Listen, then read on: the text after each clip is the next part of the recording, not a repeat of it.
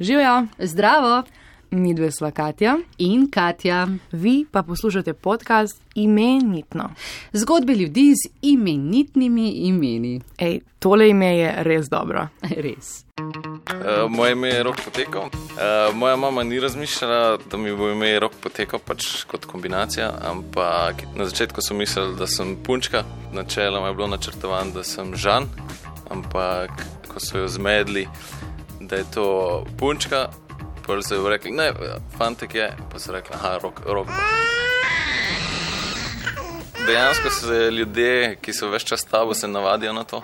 Tudi moja babi je to šele ugotovila pri mojem 16. rojstnem dnevu. Na nede- nedeljskem kosilu smo sedeli za mizo in smo nekaj se pogovarjali tudi o mojem imenu in priimku in smo rekli, pač rok poteko, cela družina se je smejala, razen babe je pač bila, mislim, kaj je tu pojnt se ni, mislim, se čist normalno ime, ime in priimek. Smo rekli, babi, ne, dejansko rok poteko. Na mleko je rok potekel, na jogurt je rok potekel. In dejansko še pri 15. rojstnem dnevu ugotovila moja ne, moja nesrečna kombinacija. Torej, babice so potem tako, oj, bogi, bogi.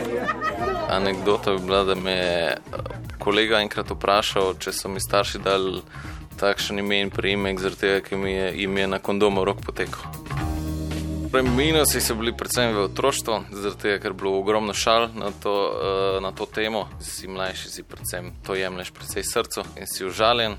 Ampak je pa res, da so me vsi poznali, vsi so si takoj zapomnili moje ime.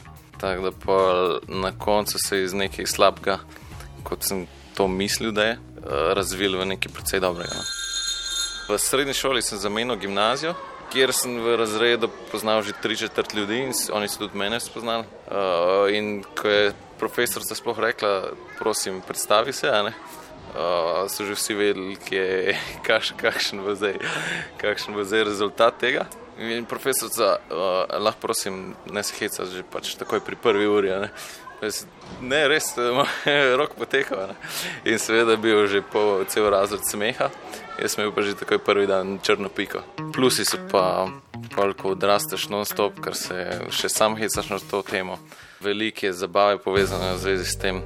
Tudi punce padajo na to temo, tako da je se na koncu tudi zelo kot nek pick-up line dober obnesel, tudi že iz izkušenj. Sicer tudi razlika med celjem in Ljubljano, recimo v Ljubljani, dosti ne dojamejo rok potekel, ampak ponavadi rok potekel, pretekel. V celju pa glede na narečje, predvsej to uporabljena zveza rok potekel. Ne. Recimo v Ljubljani, pa sem kdaj pač se hoče po potu pohecati samega sebe, pa, pa ni, ni šlo. Vem, tudi mogoče bila kakšna blodninka, kdaj. pa verjetno ni razumela. Potem, če pač iz punce skapira, je smeh, pa začneva malo pogovor. Ne. Se, se veliko bolj sprosti vse skupaj. Da, Ampak zdaj, zdaj ne gre več tega. Zdaj sem v resni zvezi, tako da se ne morem več hecati. Ena dobra je tudi, da se moj oče ukvarja, z, ima podjetje, ki se ukvarja z mesninami. Tako da so ga tudi vprašali, kakšna je to povezava, pa ukvarja se z mesninami, sino je pa rok potekal.